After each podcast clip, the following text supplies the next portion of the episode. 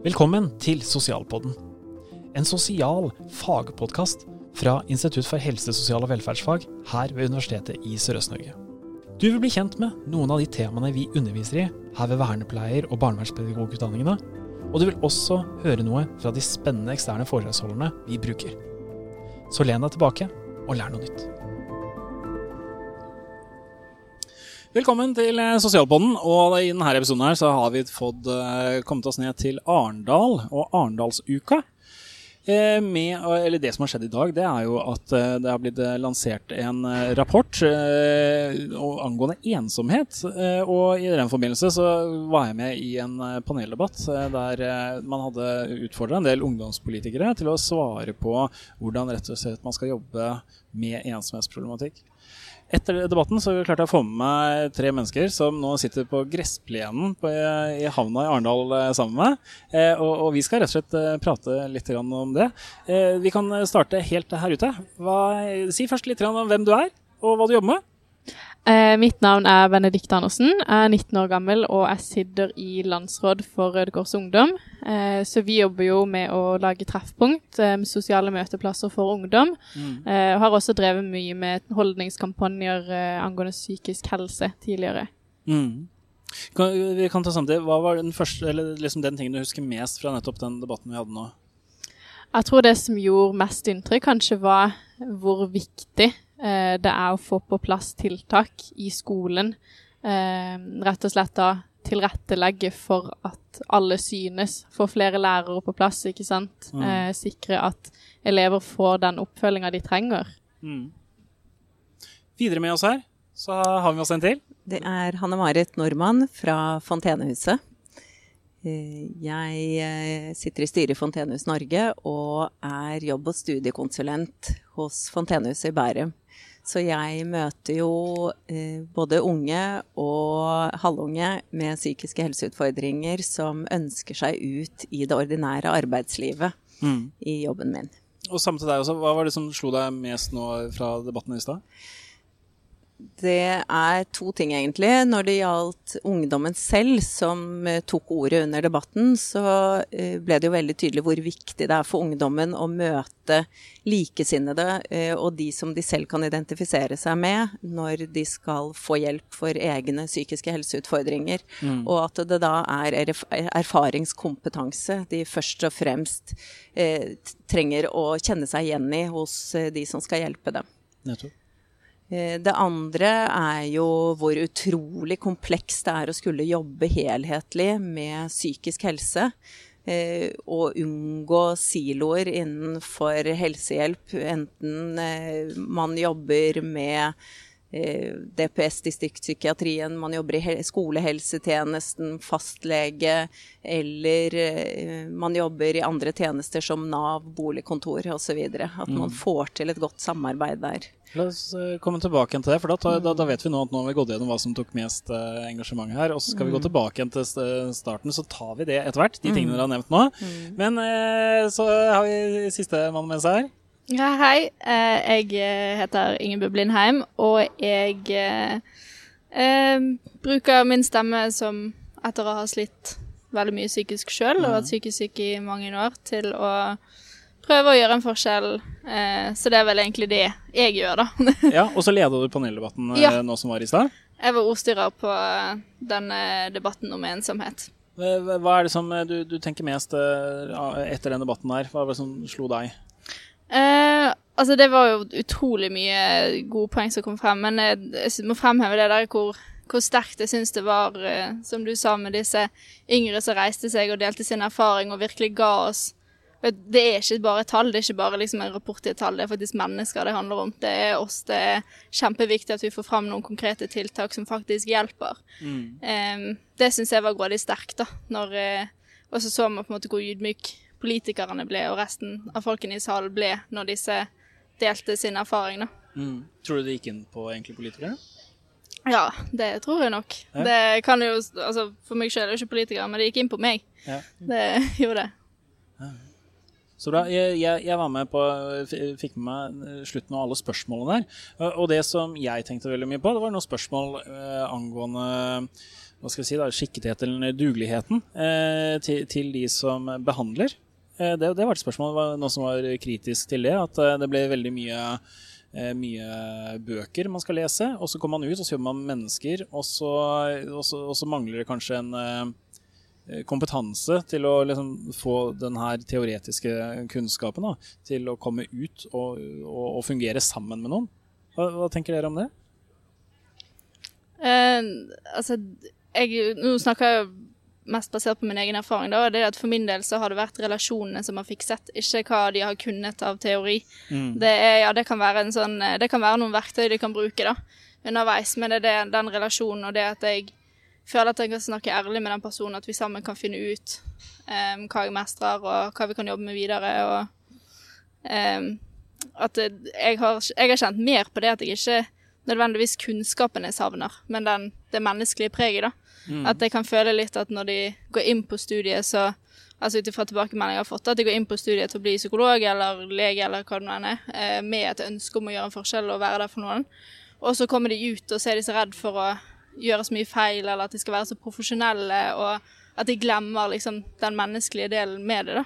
Mm. Kanskje en sånn litt mer sånn misforstått profesjonalitet? Ja, rett og slett. Fordi det å vise omsorg og eh, kjærlighet og være eh, Ja, å være et medmenneske, det er profesjonalitet, syns jeg. Absolutt.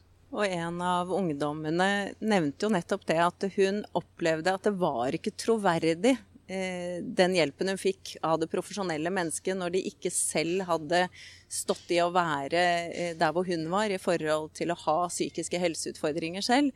Og at det er derfor det var så viktig for henne at alle som skulle hjelpe henne, skulle ha en eller annen form for erfaringskompetanse. Hun mente jo selvopplevd, men en av politikerne nevnte jo også at det å eh, legge mye større vekt på praksis i studiet, ja. og at man faktisk var nødt til å levere resultater under praksisen også for å kunne bestå eh, studiet og komme ut i den andre enden, at det kunne være et virkemiddel for de som da var så uheldige og ikke selv har hatt psykiske helseutfordringer. Ja.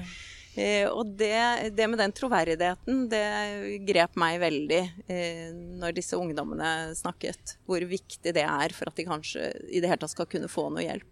Og det andre var jo det og ikke bli undervurdert. At de opplevde at gikk de i lås på et eller annet stadie i eh, behandlingen, eller til og med i relasjonen til sine nærmeste, familie f.eks., så fikk de ofte råd om å lese en bok eller se en Netflix-serie og slappe av litt, så følte de seg sikkert bedre. Og at de da følte seg utrolig undervurdert, både i forhold til kompleksiteten i de psykiske helseutfordringene, men også i hvordan de er som hele mennesker. Og at man har komplekse tanker når man er ung. Mm. Bare tenk på deg selv da du var 14-15 år gammel. Det var, ikke, det var ikke enkelt, det som foregikk oppi hodet ditt da. Nei. Og jeg vet jo også, litt sånn i kjølvannet, når vi har prata i løpet av de siste årene veldig mye om ensomhet og psykisk helse, så er det også en sånn redsel med la oss ikke sykeliggjøre det for mye heller. Mm. Er, er, er, det å være ensom er det å, er lik eh, psykisk mm. uhelse? Mm. Eller er, mm. kan man bli syk av ensomhet? Har du noen tanker rundt det? Ensomhet er jo noe som kan lede til psykisk uhelse. Ja. Det å være ensom og kjenne på ensomhet i seg sjøl, mm. det er jo ikke nødvendigvis sånn at det er noe negativt i den grad, eh, men det er jo noe som er viktig å snakke om og være obs på og lære mer om for å sikre at man ikke kommer dit hvor det alt er kjipt og dritt og man på en måte ikke ser noen løsning. Jeg tenker mm. det er veldig viktig at man jobber for å forebygge der, at man stopper der. For det er jo mm. klart at de 82% av jentene på min alder som kjenner seg ensomme. Det går ikke like dårlig, hvis du skal gjøre det sånn, da, eh, med alle. Men det er jo de som kanskje har det aller verst, som også kjenner på ensomhet, som ikke har blitt tatt tidlig nok Da, at man ikke har fått tilstrekkelig hjelp, at man ikke har følt seg sett og hørt, og at det har gått over lengre tid. da. Det er jo bekymrende at det har blitt en så stor økning under korona. Men ensomhet i seg sjøl er jo ikke det samme som psykisk uhelse. Og det Nei. å være ja, deprimert, f.eks., det blir jo noe annet igjen. Mm. Mm. Hva, hva, hva, tenker du? Du sier litt liksom, det, det, var jenter, og det var et høyt tall. 82 eh, mm. som opplever seg selv eh, Opplever at de er ensomme. Mm. Men hva, har du noen tanker om hva det kan være årsaken? Hvor, hvorfor opplever man at man er så ensomme?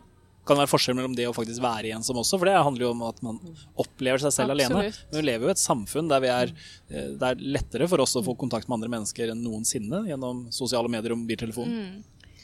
Jeg tror det har veldig mye sammenheng med at man ikke alltid er fysisk alene.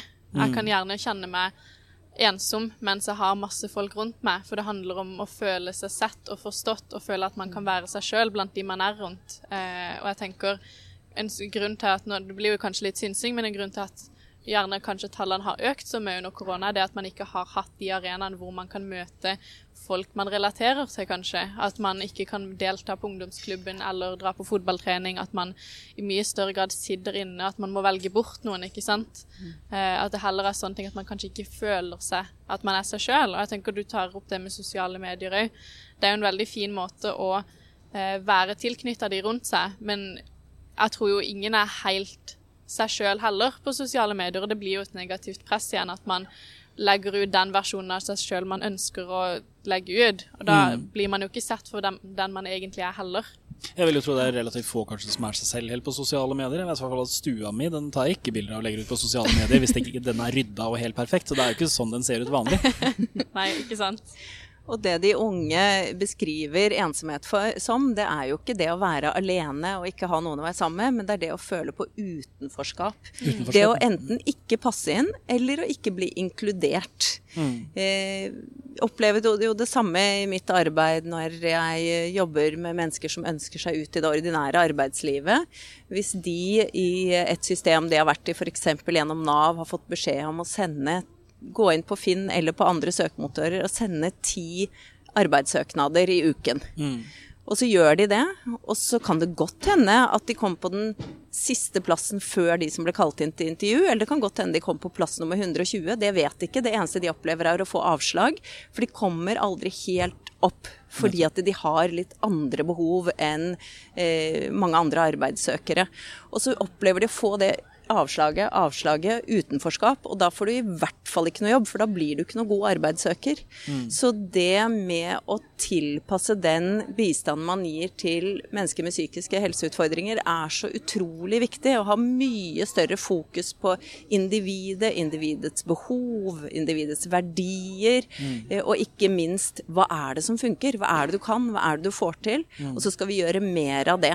Og ikke prøve å presse inn i en eller annen mal eller et eller annet system som er designet eh, til egentlig ikke å passe til noen, mm. men hvor mange greier seg, men da spesielt mennesker med psykiske helseutfordringer, og da kanskje spesielt unge som ikke har en lang og tung CV å slenge i bordet med, mm. eh, ikke fungerer for dem. Og så opplever man det stadige avslaget, føle seg utenfor, utenfor arbeidslivet. Det er ingen som vil ha meg, jeg passer ikke inn noen steder. Mm. Og det å eh, møte mennesker med inkludering og fokus på hva som fungerer, det gjør jo at man begynner å få et bedre selvbilde, man bygger opp troen på at man faktisk kan få til noe, mm. og så begynner man å prestere og levere og bli inkludert.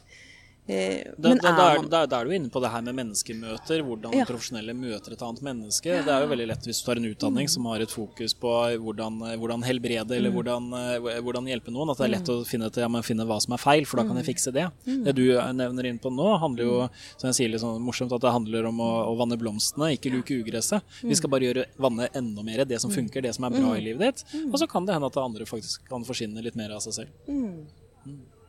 Hva, hva, hva, tenker vi når, når, vi ser på eh, rapporten her? Og, og, det er jo ikke noe nytt sånn sett. Eh, SHoT-undersøkelsen er jo også referert til der. Den handler jo om eh, ensomhet, eller studentenes helse- og trivselsundersøkelse. Den handler jo om psykiske helse til, til, studenter, og der ser vi de samme tingene. Men hva, hva er, er, liksom, er den store løsninga?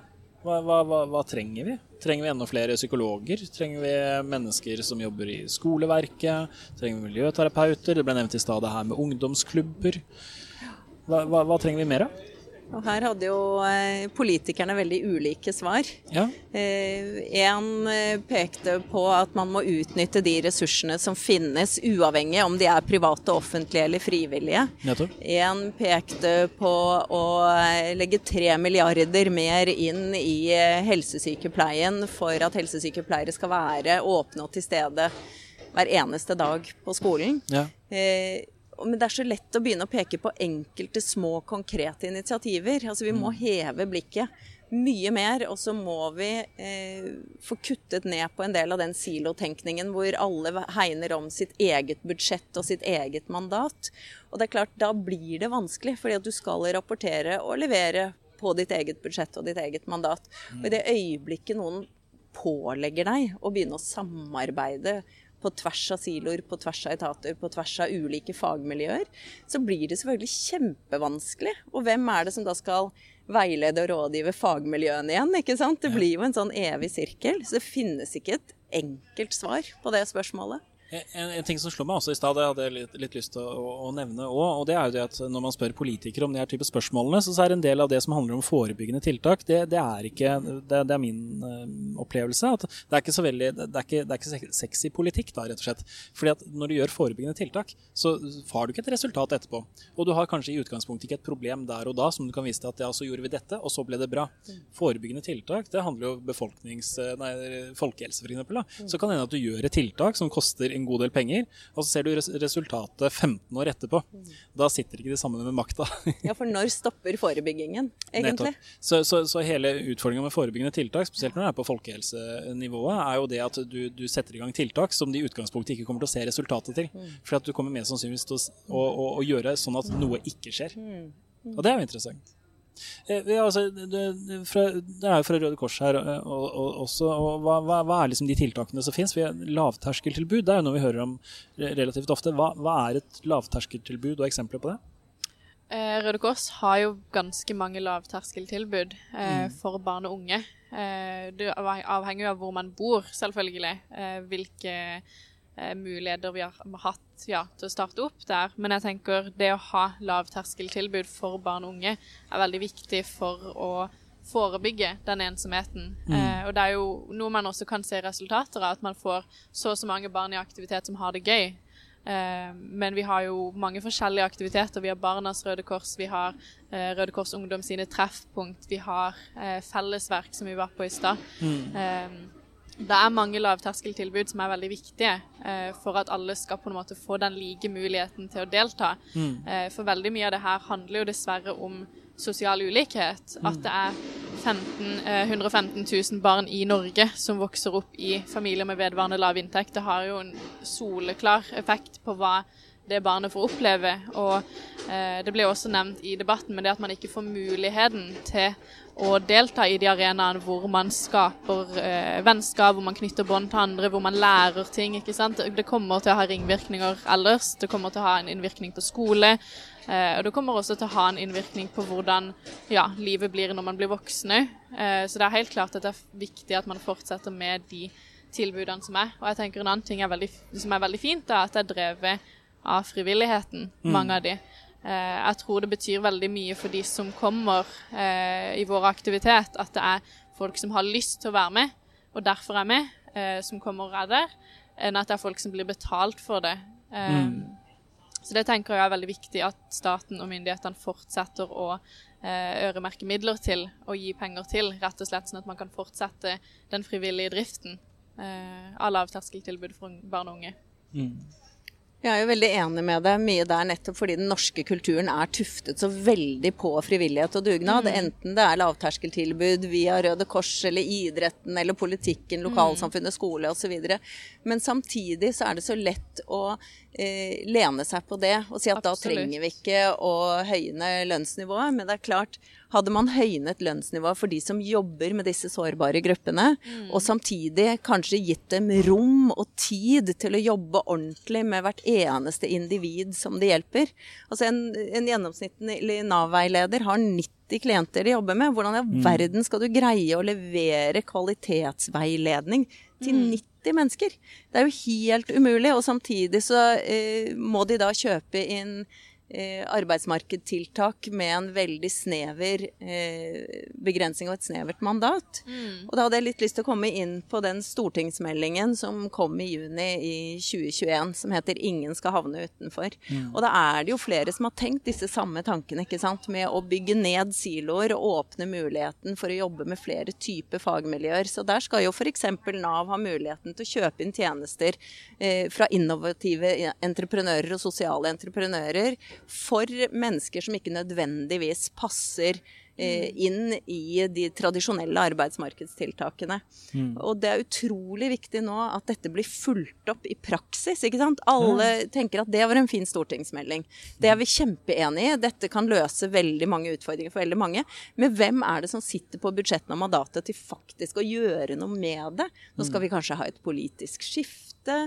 Eh, da er det mye gamle, gode stortingsmeldinger som blir glemt. Ja. Altså, hvem skal følge opp sånn at individet i den andre enden, disse ungdommene som snakket i dag, som snakket om sine behov uh, for å, å, greie å ta imot bistand og hjelp. Hvem er det som skal sørge for at uh, disse uh, tiltakene og disse mulighetene blir fulgt opp? Mm. Men når du er liksom innafor hjelpeapparatet på en eller annen måte, så, så møter du noen mennesker. Og, og de menneskene det, det, det, slår meg av og til når vi prater eh, med mennesker som har mottatt tjenester, så, så, er de veldig kritiske til de de har møtt. Og så vet vi at de fleste mennesker som jobber i et yrke for å hjelpe andre, de er jo egentlig veldig gode mennesker som har lyst til å hjelpe andre. Du nevnte den ene tingen. Det handler om at uh, mange kommer ut, og så får de et praksissjokk. Der de har et kjempestort hjerte og ønske om å hjelpe, mens det er 90 mennesker du skal hjelpe i løpet av en uke, f.eks. Er, er det noen andre ting man tenker kanskje på at uh, nå, nå, tenker jeg litt på noen av de skal høre på det her, er jo barnevernspedagoger f.eks. De skal ut og møte, de skal jobbe kanskje på ungdomsskoler og sånne type ting, og jobbe med ungdom. Hva, hva, har du noen tips til dem? Eh, altså det er jo det å bruke seg sjøl i arbeidet, og det er kanskje mange som tenker at eh, jeg tenker at de gjør det fra før, men det å eh, Jeg ser jo på en måte stor eh, Altså, jeg hadde veldig effekt når jeg var yngre og møtte folk på ulike grupper og sånn, av de der som torde å tulle litt og på en måte ja. At ikke de var så opptatt av å skulle være så faglig hele tiden, sant. Mm. Um, ja. det, er det, det, er morsomt det du nevner, om å være så faglig og være profesjonell. For hvis vi ser på en del av definisjonen av profesjonalitet, så er det ingenting som sier der at du ikke skal være personlig.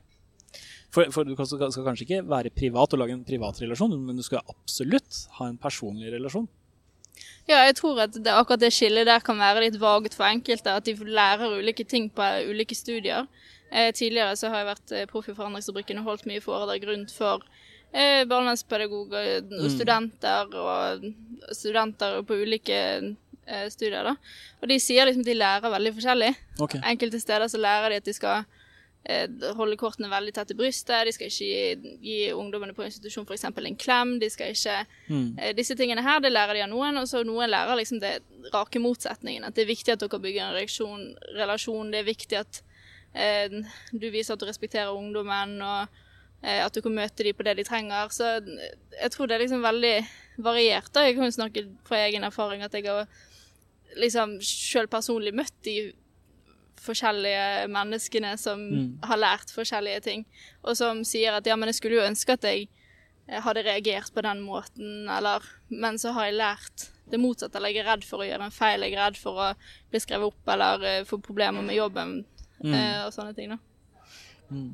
Ja, det er kjempegode innspill. Har vi, no, har vi, noe siste? For nå, nå, nå, sitter jeg og ser på tida her. Vi begynner å, å nærme oss en avrunding. Eh, du nevnte litt om barnevernspedagoger. Er, er, det noe, det noen hilsen vi har til de? Noen tips? Jeg vet ikke. Hilsen er at de er superviktige. De er superviktige. De kan ha Altså Mange barn og unge som kommer inn i barnevernet, har ikke opplevd det å, at noen er glad i dem. At noen eh, eh, at noen bryr seg om dem og respekterer, respekterer dem og er opptatt av hva de tenker og mener. Og, mm. eh, og det at de har faktisk muligheten til å være den personen. Være mm. den første personen de møter som har varme, og som eh, klarer å på en måte se de for hvem de er. da. Mm. Vis et ekte engasjement i arbeidet med å bli kjent med den personen du skal hjelpe. Mm. Virkelig lytte til deres historie. Ikke bare den første historien som blir fortalt fordi man har lyst til å fortelle det som er riktig, men virkelig gå litt i dybden. Uansett hvor mye press du har på deg innenfor ditt system eller din tidsbegrensning, ta deg tiden til å bli ordentlig kjent i mennesket bak historien. Mm.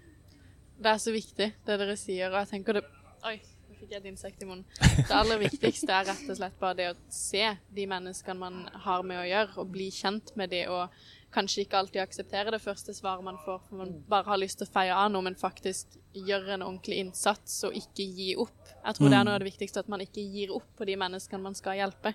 Mm. Og så skal man ikke undervurdere det. Det er greit å stille krav. Eh, det er greit mm. å kreve at den du skal hjelpe, også må gjøre en jobb som er slitsom. Men du kan være tålmodig. Du kan bruke lang tid. Du kan eh, sørge for at det eh, arbeidet som blir gjort, faktisk fører i retning av et mål som er riktig for den du skal hjelpe. Ikke bare levere på dine mål eller KPI-er eller systemer og skjemaer. Super.